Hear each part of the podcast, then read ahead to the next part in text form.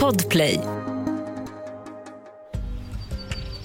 Mossiga trollskogar, blommande hagar, kvittrande fåglar, kattfot och blå viol. Det här vill vi ju ha. Om hur vi får det handlar podden Naturlycka. Det där, den här är ju en Den av de snyggaste humlorna. Du Alltså. sa det sa jag förut också. Skit. Och paghumla, en av de snyggaste arterna vi har i Sverige tycker jag. Eh, Någon, någon av korna som bestämmer att nu går vi. Då går alla åt det hållet.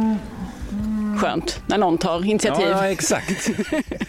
Här träffar naturvårdaren Ola Jennersten och jag, Lisa Tallroth, människor som vet hur man får växter, djur och människor att trivas i naturen. Det är spännande också på något sätt. Alltså det här området är spännande att se vad händer här nu. Om man nu bara kan hålla fingrarna i styr och inte börja hugga ner alla de här granarna i panik. Va? Jag kan tänka mig att en lantbrukare skulle tycka att det är jättekul att se en solrosrad efter en, en inäga eller någonting. Fyra meter bred solrosremsa är ju jättekul att kunna åka och kolla på när den står i full blom som vi har på några ställen. Det är ju otroligt vackert.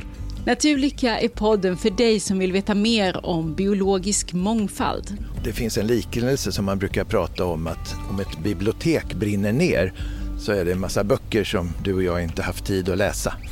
Och ungefär samma sak händer nu. Det finns alltså en massa arter som försvinner. Ekosystem som, som försvinner för att vi gör om det till någonting annat.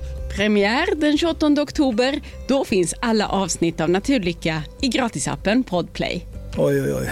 Eh, Det, det är ju naturen som är lyckan för mig faktiskt.